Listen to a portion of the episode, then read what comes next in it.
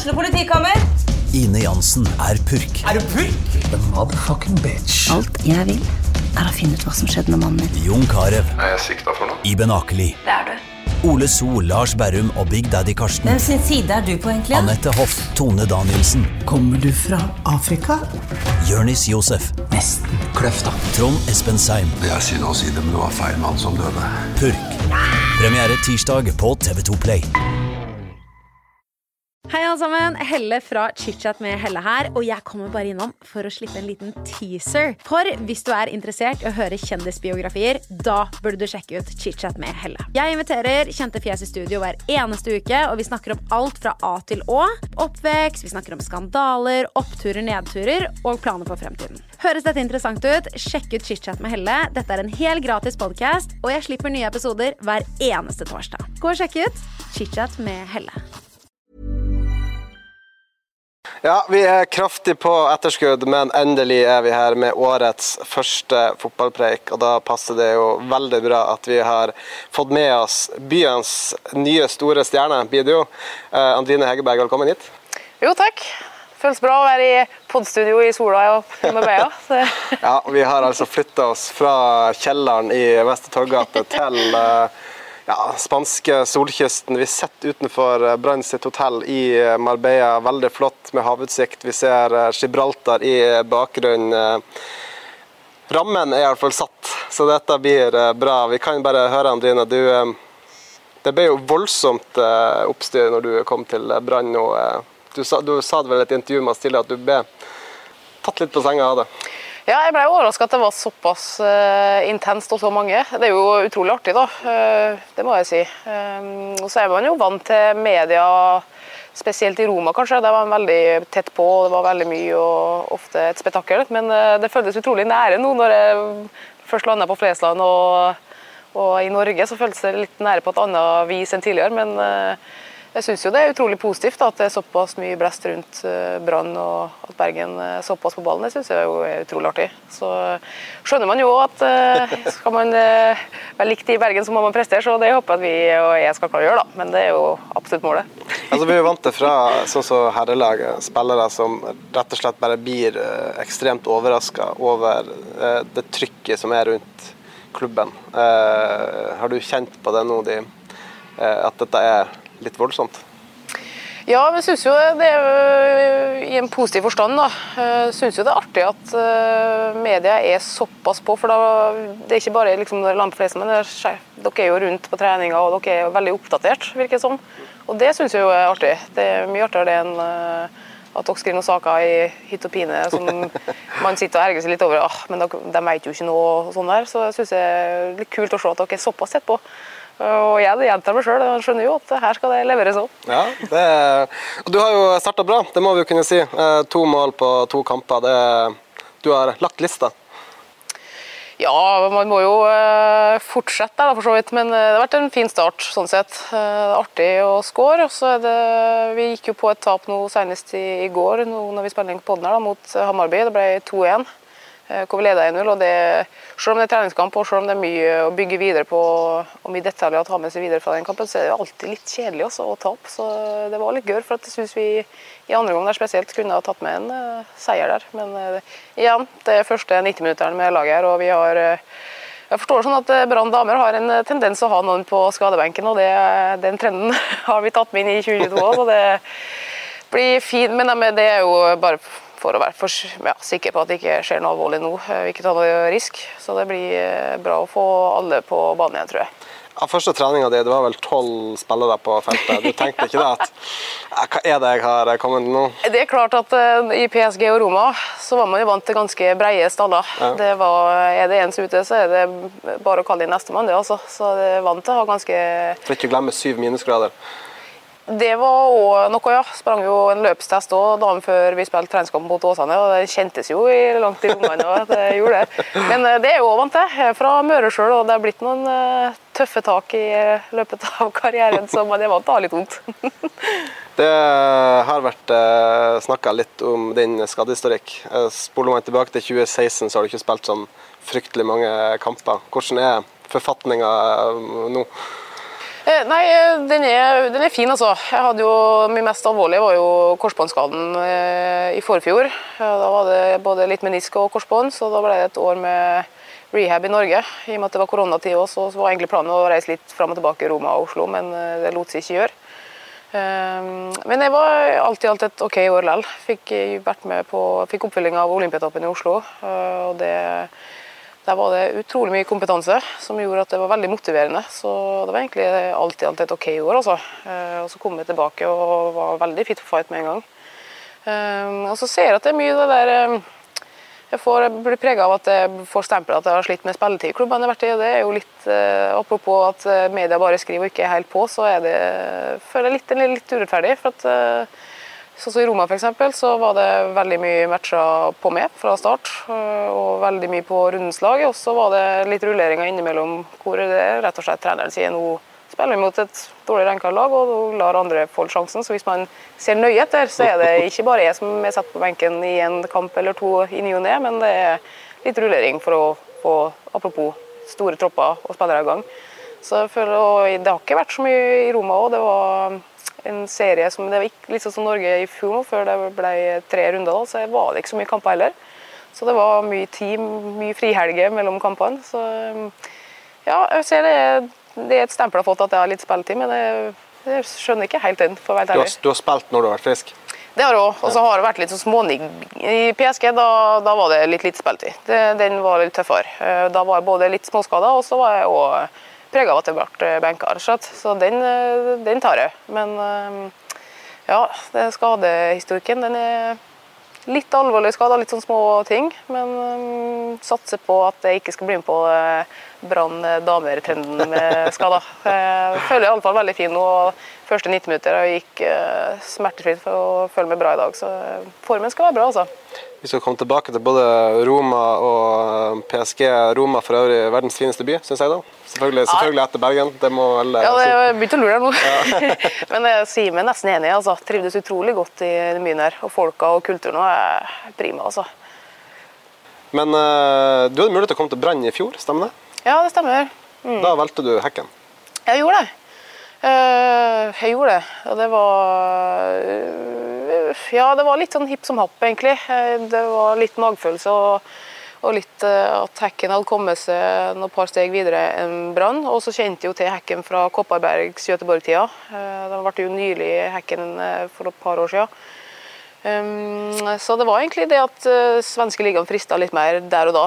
Uh, og så tenkte jeg at Norge og Sverige i alle fall var to gode alternativ med tanke på å komme tilbake fra skaden. Og, eh, for det var mye uh, Hva skal man si? Det er jo litt andre kulturer å forholde seg til. Hvis jeg skulle vært i Roma, så ville de ha meg tilbake på banen etter fire-fem måneder. Og ut ifra det jeg har lært i opptreninga, så har jo det vært smått litt galskap. Um, så da tok jeg den better safe than sorry-veien og tok en lang rehab-periode i Oslo. Og så tok jeg og holdt meg i Skandinavia da, i forhold til hvordan man så på et comeback. Og ikke hoppe rett i det og risikere noe nytt skade og brekk. Og Så gikk det ett år, og så innså du galskapen i ditt eget valg, og så kom du til Bergen. Ikke sant, ikke Ja. sant. Eh, Ja, nei, så eh, viste Brann fortsatt interesse nå eh, på nyåret her. Um, og da var det absolutt et ok år i, i hekken også, men det, det var litt, eh, litt flatt, og jeg satt litt med følelsen av at hvor stor er forskjellen Sverige-Norge?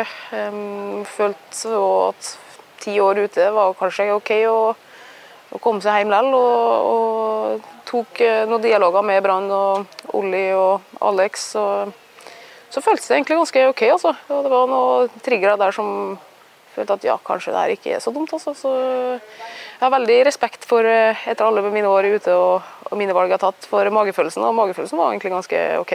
Pluss at da det var noen gode samtaler, så, så pakka jeg bagen og kom til Brann og London opp Lesland, og der sto pressekorpset klart. Hele Mediebergen sto og venta. Du virka litt paff du kom ut uh, gaten der på Ja, vi hadde jo ikke fullført noe, verken noe medisinsk test eller skrevet noen kontrakt, så det var litt rart å skulle stå eh, og prate som om jeg hadde signert. Lærte Lært deg bergensk fiskesuppe nå. da. Ja, det, det var jo et spørsmål som var gjentagende der. Det var TV 2 som skulle vite hodegrensen, og jeg svarte jo fisk, da. Og Jeg var tenkt at nå skulle jeg være safe, men skulle ha rett sort, og da ja, da turte jeg ikke å gamble på noe. Jeg orka ikke stå her som noe tullpeis, så da nekta jeg svar. Ja, jeg tror kanskje, kanskje til det beste. Uh, du har jo hatt en imponerende karriere, det må man si, når man ser på klubbene. Du har vært i Roma, PSG, Birmingham har du faktisk også vært uh, innom uh, Turbin Potsdam, som vi også kommer til. Men du har jo en søster òg som får en gullball. Ja, det var stort. Det var artig. Ja. Det er jo fortsatt ganske stort artig, det er ikke det, men det var, det var jo første gang òg som gjorde det litt spesielt. Og så syns jeg det var meget fortjent. Jeg husker jeg liksom synes det var fortjent for at ikke bare for at det var en sånn engangsperformance, uh, men hun liksom holdt det gående over såpass lang tid. da. Eh, både før og etter, egentlig. og den første, det var også stort. Ja, det var noe med det, altså. Mm. Det var det. Og vi var jo der hele familien, mamma, pappa og broren vår Silas var der òg, så vi delte øyeblikket i lag. og Det var veldig veldig ålreit eh, seremoni å være på. Ble veldig godt tatt imot av både små og store navn.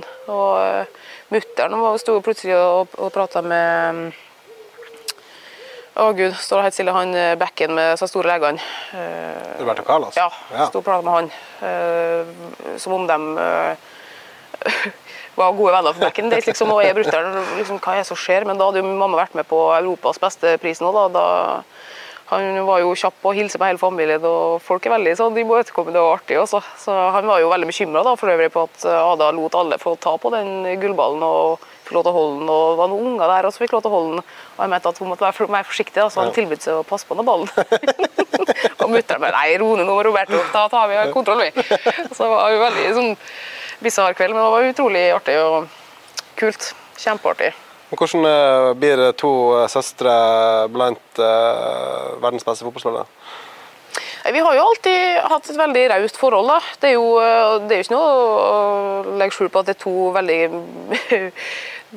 damer med stort konkurranseinstinkt. Men vi har klart å balansere det der veldig fint i forhold til at det ikke blir noe klinsjer. Eh, men jeg tror det er en god del raushet bak. Og så vet vi begge at eh, sånn som jeg jo klarer jo unn Ada gullball sjøl, så klart jeg har jo hatt lyst på en liten gullball sjøl, jeg òg. Så vet jeg litt hva hun har ofra og hva hun har eh, gjort på veien for noen. da. Og det har ikke vært noe unnasluntring, og vi har begge veldig respekt for å gjøre jobben skikkelig. Og det er òg måten vi har klart å holde beina godt planta på jorda og vært ydmyke for at jobben skal gjøres. da. Så så vi har vært gode støttepartnere til hverandre i tykt og tynt. Så når vi har spilt i lag, har det vært utrolig artig. Altså. Så nei, vi er, vi er gode støttepartnere til hverandre, altså, det må jeg si. Du har jo en uh, kjæreste som er TV-kjendis. Han har allerede sagt hva han mener om ditt klubbvalg nå. ja. hva tenker Ada? Om klubbevalget, eller ja. hva tenker om ja, om klubbvalget. ja, eh, som sagt, eh, vi er jo veldig åpne om ting og tvang som skjer i hverandres karriere. Så jeg delte jo det at du, nå folkens, nå har Brann vært på banen her, og det føles egentlig ganske OK. Det føles som et valg som kan være bra. og og For min del har det alltid vært OK å finne gode trenere, gode apparat. Ehm, som jeg tror blir neste steg innenfor damefotballen eh, å ta. Da. At det kommer mye mer kompetente trenere inn, som har litt uh, mer føtter innenfor bransjen enn, de tror de har. Det syns jeg damefotballen fortjener òg, og spillerne ikke minst. Og det virka som at Brann hadde kommet et godt steg. Olje har god kontroll på, på det meste innenfor uh, den bransjen her. Så det var òg en trigger at han har en såpass plan på hva han vil gjøre. da. Så vi fikk en god kommunikasjon der, og Ada syns at uh, hvis ting føles bra, så er det å støtte opp under det. Da. Så Det er ikke sånn at Ada sier nei, det er bra, det, det tror ikke er bra. Nei. så er det sånn, nei, ok, da, da, blir det ikke det. Det er ikke på det måten heller. Vi, vi har en rullende kommunikasjon på, på, sånne ting, og vi ganske, tenker ganske mye likt. Så da, det var ikke noe Det var ikke noe motstand å møte her, nei, men jeg ser ikke noe grunn til at det skal være motstand fordi det er Brann heller. Noe, vi skal ærlig innrømme, det var ikke noe særlig forhold til Brann fra før av. Nei. Men uh, man får jo med seg mye, for det er jo mye eh, både godt og vondt rundt Brann. Uh, og en ting jeg glemmer veldig til, er å møte fansen. Det må jeg si. Bataljonen det ser jeg veldig fram til. For jeg syns det er mye artigere. Det er jo en ærlig sak å spille foran, foran tilskuerne, hvor det koker litt, enn når det er litt de har gjort seg bemerka både på herre- og kvinnesida av mm. bataljonen de siste årene. Så det er all honnør til dem. Vi har hylla dem masse i fotballpreik. og du Ja, for det står, den. det står veldig respekt da, over det valget de gjorde med å være såpass raus og gå når damelaget eller Sandviken ble Brann. At de hoppa rett over på det. står det veldig respekt av. Jeg ser jo at eh, det går traurigere i andre klubber i Norge som eh, med overgang til herrelag. Så eh, det er kult, også, for det, det er veldig Det er liksom klisjé å si, men det er utrolig givende for oss spillere. Du har jo fått et spørsmål et par ganger, men nå gjentok jo eh, deres sportssjef Alexander Olsen i går at vi jakter en spiss. Så det er jo Ada er, det, er jo tilgjengelig på markedet. Ja, men jeg ser nå for meg at Brann vil ha en som er på banen akkurat nå. da. Der er, har Ada hatt en litt eh, kjip eh, vei de siste årene. Eh, men hun virker å være tilbake nå. Og så, så må jeg bare si rett frem at jeg tror ikke det skjer med det første. Hun, eh, nå knuste vært- med en gang. Knus alt håp med Nei, man vet aldri fotball, så ting skjer fort også. Men, men det er jo det som eh, er litt eh, greia som jeg tror Brann har mulighet til òg. Hvis, hvis vi klarer å vise nå igjen at vi klarer å prestere sjøl om spillere har dratt, så er det jo en attraktiv eh, klubb. Og det var et, eh, Altså, det var ikke bare å, å komme hjem til Jeg kom ikke hjem bare for å komme til Norge. Det var jo attraktivt, eh, det Brann har å tilby og måten de jobber på. Så jeg tror at hvis vi fortsetter å jobbe strategisk og riktig nå, så, og kontinuerlig ikke minst, så er det en klubb som folk kan søke seg mot. Du ser jo at nå, nå har mange Brann-spillere dratt til ok klubber og store klubber i utlandet. Så Begynte å få litt penger for dem òg. Ikke minst, og det tror jeg er utrolig viktig. Også. Så, og det tror jeg er måten å drive på, er å, å selge så at man får tilbake for produkter man har vært med å bygge opp. Det, du har 25 landskamper. Eh, Det skjedde noe i 2017. Det ble veldig oppstyr rundt eh, din søster pga. det. Hva var din rolle i dette? Bruddet med landslaget? Ja, si det. Det var, det var tungt for både meg og Ada. Eh, Det var Ada som valgte å ta og steppe tilbake. Eh, Og jeg var fullstendig klar over at hun kom til å ta det valget. Eh, Og det var etter flere år med at det har vært forskjellige ting som har tæret litt på. da. Hva da? Hva som må på? Nei, det, det vil ikke jeg gå inn på, egentlig, for nå har vi klart å endelig få dryssa det ned. og Folk blir aldri fornøyd med svarene Ada gir heller, så nå eh, kom det jo litt fram kanskje da, under EM eh, hva hun sikta til. og da plutselig var Det det, veldig, det har vært litt ekkelt. Det har plutselig en- enten vært Team Landslag eller Team Ada, eh, istedenfor å prøve å møtes og finne en løsning på det. Så hun valgte å steppe tilbake fra landslaget. Det gjorde aldri jeg. Jeg følte at min karriere fortsatt trengte å være på landslaget. I større grad enn kanskje Ada på den tida, men jeg, jeg valgte iallfall å bli. da. Og så tenkte jo jeg kanskje at det kunne fungere som at jeg kunne være lite bånd mellom og landslaget, prøve å få en løsning på det, men eh, det ble min, eh, min siste landskamp ble når Ada sa nei. Eh, Og da hadde det vært Så det var ikke sånn at du sa at 'nå gir jeg meg' også? Nei, det var mange som, men jeg fikk inntrykk av at mange trodde det. Ja. Det- Jeg tror mange tror det fortsatt. Det er det som er greia. ja, så det, så det, jeg syns det er litt merkelig å sitte her og si at jeg sa aldri nei, da. Um, Men etter det så har jeg ikke vært med på landslaget, og det har eh, gått sin gang. Det går eh, greit nå, men det, det har vært tungt for min del òg. Det har vært veldig sånn omstilling. eh, For alltid hatt lyst til å være med og, og spille på det høyeste nivået mulig. Eh, Og jeg følte på mange vis at det ble litt tatt fra meg der. Uten at jeg skal gå for detaljert inn på det heller, så har jeg prøvd å holde meg unna media så godt det lar seg gjøre rundt det her. For jeg tror jeg har veldig stor tro på dialog og løse ting først, eller prøve å løse ting først sjøl, innad, før man begynner å gå ut. Men det viste seg å være ganske vanskelig, det òg. Så det ble 25 landskaper. Jeg rakk akkurat å få med røske med den gullklokka, da, men eh, den har jo lyst til å note med flere.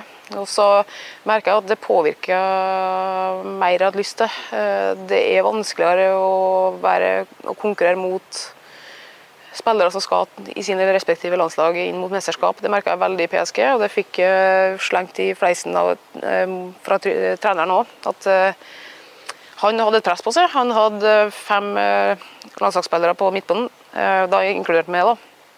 Eh, Men det, det virka som at én ikke skulle til mesterskap, og landslagstreneren var rundt klubben hele tida i PSG. Det var landslagstrenere fra alle mulige land. Og mine konkurrenter var fra Frankrike, Spania og Brasil. Så, så jeg ble innkalt en gang på møte om at eh, det her blir tungt for deg, for jeg er nødt til, fram til sommeren så er jeg nødt til å spille landslagsspillerne. Og, og da merker jeg at lufta gikk veldig ut av meg, altså. Det gjorde det. Eh, Men så er det mm, Du må bare snu alt til muligheter. Så, så jeg prøvde å kjempe det jeg kunne, og så fikk vi noen minutter her og der. Men eh, alle de dro til, til VM, mener jeg var året der, og ikke. Så kom vi tilbake igjen og fikk en ny start, og da gikk det litt bedre igjen, da. Men, eh, men det har liksom, har påvirka en del som jeg, som jeg hadde håpa at jeg skulle unngå å gjøre. da. For det er ofte at man tenker at man bare skal på banen, sin, men det er mye dynamikk utafor og hierarki og tjohei som eh, lar seg påvirke av sånne ting. Så det har vært tøft, men samtidig så eh, prøv å se positivt på det. Jeg har fått mer fri til å ta vare på kropp og til å nyte litt liv utafor fotballbanen. Så når folk dro på landslaget, så var det en ekstra fridager i Roma f.eks., og da fikk opplevd Italia på en annen måte enn eh, enn jeg kunne ha gjort om jeg var på landslaget. Og så har jeg hatt muligheten til å trene meg enda sterkere og tøffere opp i de eh, periodene jeg er fri. Da. Så eh, alt i alt må man snu ting til, til noe positivt og til noe motivasjon, men det har vært litt sånn småtraut innimellom. Men sånn så utad så virka det som det var veldig vondt blod mellom landslaget og Ada. Altså, Føler du at du er blitt- et offer for det? Ja, men eh, hva jeg føler og ikke Eller følelsene mine har liksom ikke noe stor betydning oppi det hele. For da, hva jeg, om jeg føler jeg har blitt eller om jeg føler jeg ikke har blitt det, så, så jeg, endrer det ingenting. Det endrer ikke bildet, eller det endrer ikke min karriere eller mine muligheter. eh, Så det, det blir liksom bare følelser. Eh, Så jeg har prøvd å, så godt det lar seg gjøre, da, å komme videre og prøve å snu det til en utfordring, om ikke annet.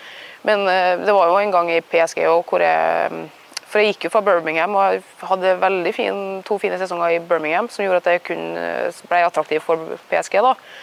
Og da var det jo en preseason der hvor jeg fikk en eh, MVP etter en sånn internasjonal turnering hvor jeg tenkte at nå, nå har de ikke sjanse til å overse meg, men eh, det ble ingen som eh, ringte med da heller. Og da, da igjen så er jeg sånn her Farsken, altså. Da, da kjente jeg at noen merker at det blir tungt her. Men eh, da var det egentlig bare å kjenne på følelsen av at eh, den prisen fikk jeg, og den spilleren og personen er, den er uavhengig om jeg får en innkallelse eller ikke. Um, så det, det er liksom et par trenere kan ikke i for stor grad la oss Du kan ikke bli definert for mye av to-tre trenere. For plutselig er det en ny trener, og da snur det. Så det man må prøve bare å holde hodet kaldt, selv om eh, det har vært en lengre periode enn jeg hadde håpa på. da. Det kan jeg si. Mesterskap til sommeren, da? Er det håp? Ja, er det håp? Jeg håper det. Men det, det, som sagt, eh, det kjedelige svaret er jo at fokuset mitt blir jo på det kan påvirke, da, og da er det så enkelt og gørre svar som at det er treningshverdagen og kamphverdagen. I Brann, selvfølgelig. og nå er den i brann, og det føles utrolig bra, det altså. Det må jeg si. Så mm, det blir å ha fokus her. Så får man se, enten så er det godt nok, og enten så er det ikke godt nok, eller så er det godt nok og du blir ikke tatt ut. Så sånn er det bare. Og sånn sett så er fotballverden veldig brutal, da. Men eh, det har vært eh, en helsikes artig reise uansett. Det må jeg si. Eh, Du dro til Turbin Potsdam, er det det? Ja, Turbin Potsdam. Ja, Sammen med Ada. Ja. Og du forsvant med et smell, var det vel? Ja, var det med en annen bergenser òg. Mari Mjelde kom jo samtidig Ja, som oss. stemmer, ja. Mm. Det var første steget vårt til utlandet. Det, det var Da kjente jeg at jeg trengte noe nytt eh, i forhold til hva toppserien hadde å tilby på den tida. Men eh, vel å merke så det er ti år tilbake, da. Og da, da dro vi ut uten å vite helt eh, hva som Vi prøvde å gjøre en research, research vi kunne, men det var ikke så mye å finne. Altså. Så vi snakka rundt med både spillere og og det Alt starta med at vi satt på stuebordet i, i Oslo og jeg meldte at nå, nå er jeg nødt til å ha noe mer utfordrende. Og bli, altså, for å utvikle så må vi ta et steg til. Og da var det, det var jo et sprang. det var jo det. Potsdam var jo Champions League-vinner på tida her og var suverent ener. Og at de i hele tatt viste interesse. De kontakta oss via noe U20-BM. Og vi dro dit, og vi skrev eh, tre år, tror jeg, Jo, vi, gjorde vi. Og eh, kom dit, og det var litt av et opplegg. Det var kjølig der, og det var lenge før jeg visste eh, hva den fotballverdenen her, eh, hvordan den fungerer og hva den hadde å tilby. Eh, Så jeg fant fort ut at eh, her, det, det måten å bli behandla på som her, det, det gidder ikke jeg. Såpass sjølrespekt har jeg at det her finner vi ikke i. Så jeg fant fort ut at at her ble det ikke mitt sted å utvikle seg på. Jeg trodde at det skulle være flere muligheter å utvikle seg på, flere, det er jo det som har skjedd nå eh, i damefotballen, for å hoppe rett til det. da, at Jeg føler kanskje ikke at toppen er nødvendigvis så mye bedre og uoppnåelig, men det, det er mye bredere. Det er, mye mer, eh, det er flere som har blitt gode. Det er flere spillere, flere lag, flere muligheter for å bli god enn det var før. og det Der føler jeg at eh, det har blitt tatt steg på, på damesida. da. Mens på en tid her så var det Lyon, og det var PSG. Nei, ikke PSG. PSG var ikke mye i det hele tatt på en tid her. Og det var Potsdam og uh, Lyon som var lagene. Uh, og da, da, måtte jeg finne et annet sted, for det var utvikling som var i fokus. Det er litt uh, Du sender litt, ikke julekort til Bernt Skrøder? Ikke med det første, altså. Men det som er rart, er jo at det var, altså din, det, var, det var, altså din, trener i ja, ja, og det var en mann godt opp i åra. Og en som hadde for så vidt fått resultat med Potsdam, men det var Mm, og det, biten her likte jo for så vidt. Det var gjennom beinhard trening. Det var ja, Tysk disiplin, Ja, meget. Altså, som du ser for deg på det verste type. Men eh, jeg er veldig fan av å gå skikkelig i kjelleren og, kjenne på, på, det og vite hvor, man, og vite hvor bunnen i seg sjøl ligger. da. Men uh, her var det liksom ikke, um, ikke stedet å utvikle seg. Måten det ble drevet på var litt uekkelt, og behandlinga av spillere var fryktelig å vitne. Og det var som sagt før jeg visste eh, hvor brutalt det her, eh, denne fotballverdenen kan være. da. Men eh, det var jo en Jeg ser jo tilbake på det med et lite smil òg. Men det var bare ikke, jeg så ikke at det her var noe rød tråd i det vi gjorde, og, og hvordan vi skulle oppnå resultat. Så jeg valgte også å gå videre, da, og da fantes en litt annen situasjon. Vi er jo, vi er jo veldig nære og sparepartnere og alt det der, men vi er også forskjellige fotballspillere og individ. så på tidspunktet her så var det greit for henne å fortsette å prøve seg litt. Eh, før både hun og Maren fort fant ut at de skulle opp videre. Så, så, tok jeg et valg for, for meg, da. Ja. For det var Du øh, forsvant ut der. Du la det vel i et åpent brev på Facebook eller noe sånt? Hvorfor? Ja, eh, det ble så gærent oppblåst. Jeg skrev jo egentlig bare rett fram at det her var ikke noe for meg. Uh, og, men det, det ble Potsdam var jo, ville jo ikke at det her skulle være Det var jo ja, Det kom et si? åpent brev fra spillerne som tilsvarte det du hadde lagt ut? Ja, eh, jeg husker det der. Eh, eh, og der var jo litt det der jeg snakka om at jeg visste ikke at det var så brutalt. Det er jo mye virksomhet og som vi sier på godt norsk, litt sånn slangete miljø innimellom. Og det ble jo jeg litt offer for der, da. For jeg husker at jeg, jeg takka jo bare for meg og sa at det her var ikke noe for meg, men takk for alt jeg har fått opplevd. Typ. Og da da ble det mye oppstyr eh, Eller mye oppstyr. Eh, det var jo en klubb som skulle være perfekt, og at en spiller dro for at hun ikke var fornøyd, det var, det var ikke sånn de ville ha det. og da var det noen spillere som hadde sendt ut et brev da, til noen avis eller et eller annet som sa at uh, vi har det bra i Potsdam, på en måte. Mm. Andrine, Andrine var tullete. Ja. ja livet går videre. Ja, Men du fikk noe, eh, noen fine klubber etter det, som vi nevnte innledningsvis. Eh, Roma, PSG. Eh, altså, Blir man rik av det her? Først så dro jeg til Kopparberg Göteborg òg. Ja, det var Sverige. Og det var jo den tida at Tyrus var oppe på toppen. De spilte jo Champions League-finale det året jeg var der. Eh, så Siste kampen Tyresø hadde, var mot oss, husker jeg. Da, vi, nei, da vant vi på, slutten tamp, eh, på tampen av kampen. Så På den tida så var jo svenske ligaen òg veldig oppe og, og nikka, og det var mye internasjonale spillere der. Marta var vel der? Marta var der. Mm. Og jeg tenkte faktisk at, eh, at når vi spilte mot oss, tenkte jeg der, nå faktisk er du på vei ned. Du, du begynner å bli gammel, tror jeg. Så skåra hun vel tre mål i finalen mot Wolfsburg kampen etterpå, så da måtte Svelg og si at nei, dæven, du, du, har bare rutinen, du. Du ofra ikke livet i kampen mot oss for at du sparte for finalen. Det var ikke så dumt. Eh, så det, det var ganske fine år der. Eh, men det, det forspranget har jo Sverige klart å miste litt. For nå begynner de å komme litt igjen, vil jeg si. Eh, og så var det PSG og Roma, og så spør du om jeg ble rik av det. Eh, da tenker du sikkert økonomisk, det, da? eller? Ja, jeg tenker altså bare det å ha PSG på CV-en. Vi vet jo alle hva ja, altså. Jeg skal ikke, det er jo ikke så stor hemmelighet at det er jo der jeg hadde min beste kontrakt økonomisk. Eh, men så er det mye andre goder rundt som, som gjør at du sparer mye penger òg, da. Det er ikke noe ja, Jeg brukte ikke noe penger på bolig eller bil. og man får mye måltid dekt, og så det var mye lite utgifter da, som gjør at det gjør det enda enklere å spare litt kroner. Da. Man har klart å lagt seg opp litt? når man har vært i utlandet. Ja, men så er det noen skatteregler også, som du bare får sende videre til agentene dine, så de får fikse også. det er mye regler og tjoei.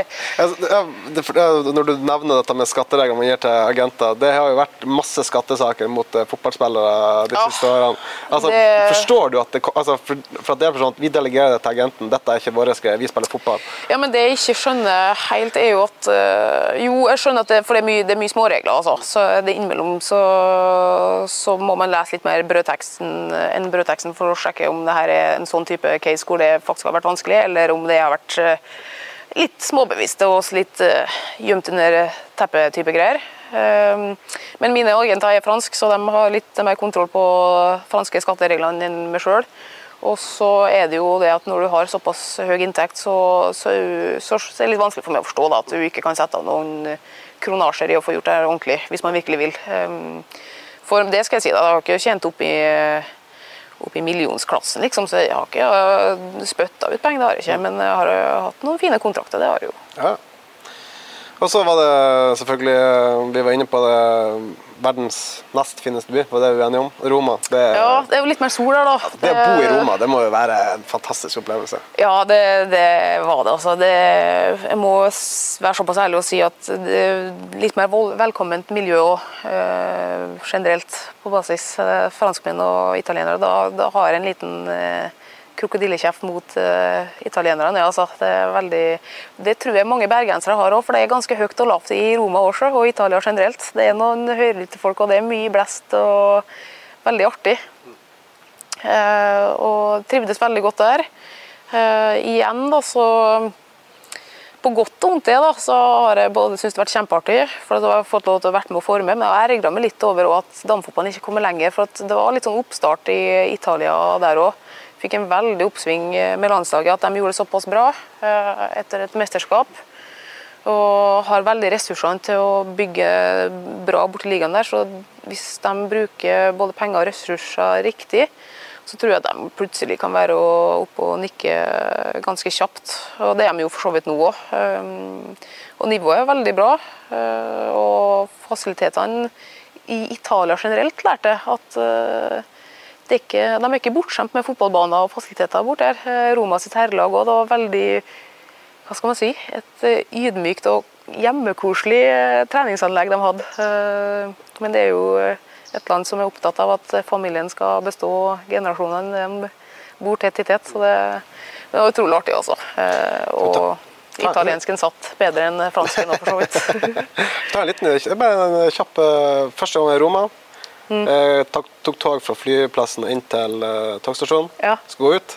Skal krysse et gangfelt. Mm. Bilen som stopper for meg, Giro Immobile.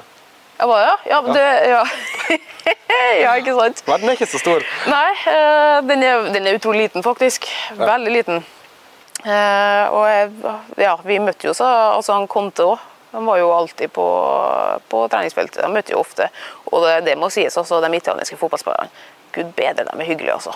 De er utrolig sjenerøse og artige å møte. Og spør om det ene og andre. De er veldig De liker å prate, da. Italia, det gjør de jo. Så de har jeg utrolig godt inntrykk av, altså. Alle sammen. Vi har jo en eh, kar som står og filmer hele sekvensen her nå, og han er jo veldig italiensk fan, så han blir sikkert varm om hjertet. når Sa jeg hører- Jeg mente Con... Nei, hva heter Mourinho? Nei, ja, nei, Mourinho. Han, var, han kom etter meg, han. Han kom etter deg, etter deg, ja. Bruno Conti. Mm.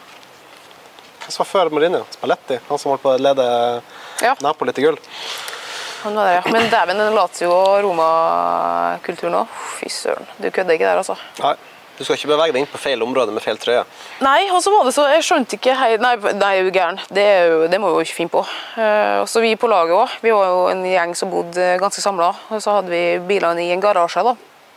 Og han som styrte den garasjen, og som kjørte inn og, inn, inn og ut bilene, han var jo Lazio-fan. Så hvis jo tapt, da, så Roma hadde gjort det bra, så det skulle banne på at det tok eh, 20-30 minutter ekstra å få ut av bilene våre.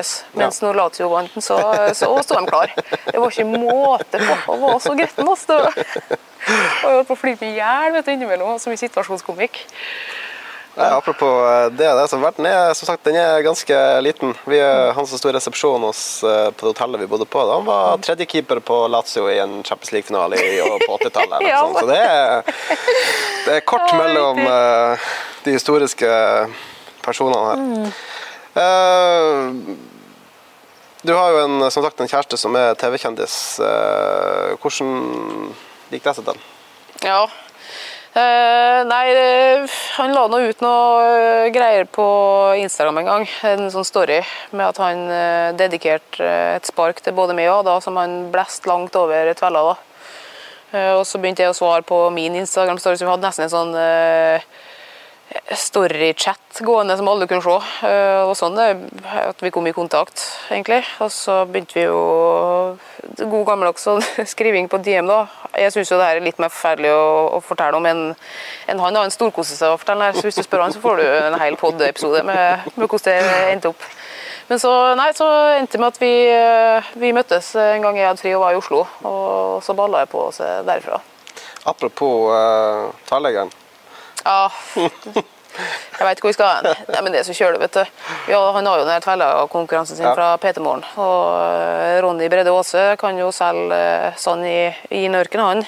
Så han. eh, For jeg sa jo nei til det her 40 ganger, at det, det orka ikke. Jeg har jo ingenting å vinne på å stille opp på en sånn tverrleggerkonkurranse mot han, vet du. Men så var det en aksjon de samla inn pengene til, og så mente Ronny at de skulle sette en sånn her urimelig pris. da. Så, så, så det var ikke noe å bekymre seg for. Men den prisen den, den var jo ikke så urimelig som, urimelig som Ronny hadde påstått, for den ble jo brøt etter en times tid. eller så her, vet du. Så, så da kjente jeg på den følelsen som ja, uff, liksom. Eh, Men det var bare å stille opp og få det gjort. Og Markus han tror jo at han har bra tilslag, men Markus Neby har faktisk et forferdelig tilslag. Og er noe jeg har, så er det faktisk et ganske rent og fint et. Og jeg var jo millimeter, centimeter unna på mine tre, og så setter han da sånn klokkeregn igjen på, på den tredje der, og da ja, det er så kjølig. Det det, det det, gjør, se det, er steingørr. Ja. Men det, det gikk For ja, konkurranseinstinktet på sånne småting er jo ganske stort. Det er jo det. Ja. så det kunne jo vært surmelding, men eh, men da husker jeg vi var P3-morgenvikarer. Vi kjærestene til både Ronny eh, og gjengen, og Markus da, og Silje. Så det var en utrolig artig dag, så det gikk bra da, til, til syvende og sist. Og, og Markus har hatt et sånn ganske ufordragelig vinnerinstinkt. som har vært ganske ufordragelig òg, men eh, den der har jeg klart å temme litt. For det, det skal være sur når du taper, liksom. Eller, ja, greit nok det, men du skal ikke være ufordragelig vinner. eh, Det syns jeg ikke. Så det, vi har fått utligna litt der. Jeg har blitt kanskje litt bedre på å tape på sånne småting, og han har blitt bedre på å vinne. Så han fikk den, da, og den kom jo ut på, på NRK, da. Fitz, eh, Det var vel et bilde som gikk viralt der. Jeg vet ikke om det er fra julaften eller noe sånt, der han faktisk ble sammenligna med Paulo Dybala. ja, fett eh, Dybala, ja. Eh, ja, det var en kommentar som kom ut ganske tidlig, det. Uh, når jeg var i Roma, så Utrolig trøkk på både fans og media der. Eh, og da, da var det en kommentar en gang ja, Markus liker jo å følge med litt på sånn. Jeg liker å bare la ting gå forbi. eh, så man holder seg ikke så høyt og lavt, bare holder seg stabil, liksom. Eh, da hadde han sett der eh, 'Why are you fat?' Dybala eller noe sånt. eh, Dybala, why are you fat? Et eller annet sånt der, i fall. Så hjemme i Neby-familien så blir han bare kalt Fett Dybala akkurat nå. så det kommer seg ikke unna den der. Ja, ja, det, men det er mye sjølironi og mye humor, da, så det er artig, det. Ja. Nei, det er, det er gøy. Det er, vi går faktisk eh, Vi er ferdig med å gå tom for tid. Du, eh, vi må bare takke så mye for at du tok deg tid til dette. Dette er faktisk din fridag. Ja, nei, men det er jo eh, bare trivelig, det. Ja, Du er ikke ferdig ennå. Du skal rett videre til våre konkurrenter i TV 2. Ja, der skal jeg levere dårlig, for er Bergen og BA og BT og sånt, det er like bedre enn landsdekkende. Ja. Det høres veldig bra ut. Takk så mye for at du tok deg Nei, tida bare hyggelig. Bare hyggelig.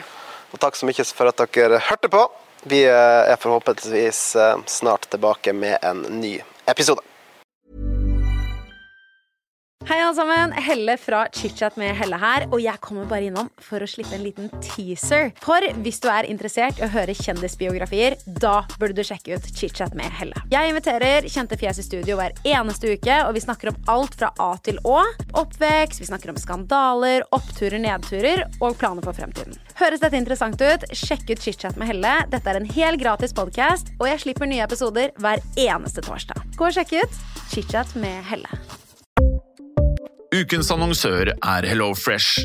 HelloFresh er verdens ledende matkasseleverandør og kan være redningen i en travel hverdag. Mange av oss har nok vandret i butikken både sultne og uten en plan for middagen, som ender med at vi går for de samme kjedelige rettene gang på gang. Middag burde være dagens høydepunkt. Som HelloFresh kan du nå velge mellom 25 ulike retter hver eneste uke, eller få HelloFresh til å sette sammen menyen for deg. Dette gir deg muligheten til å prøve nye og spennende retter alene eller sammen med familien. Du velger antall porsjoner og får alt levert på døren på et tidspunkt som passer for deg. Oppskriftene er enkle, og maten er lett å lage både for store og for små. Ved å få alt levert hjem får du også mer tid til å dele matgleden med familie og venner. Kanskje det frister med asiatiske tacos eller greskinspirert kylling? Da kan jeg anbefale deg om å gå inn på hellofresh.no. Her kan du bruke koden FOTBALL og få opptil 1779 kroner i rabatt på de første fem matkastene hvis du ikke har prøvd Hello Fresh tidligere. Du kan også bruke rabatten hvis du har vært kunde og stoppet abonnementet ditt for tolv måneder siden eller lengre. Gå inn på hellofresh.no og bruk koden FOTBALL. Har du et enkeltpersonforetak eller en liten bedrift? Da er du sikkert lei av å høre meg snakke om hvor enkelt det er med kvitteringer og bilag i fiken, så vi eh, gir oss her, vi. Fordi vi liker enkelt. Fiken superenkelt regnskap.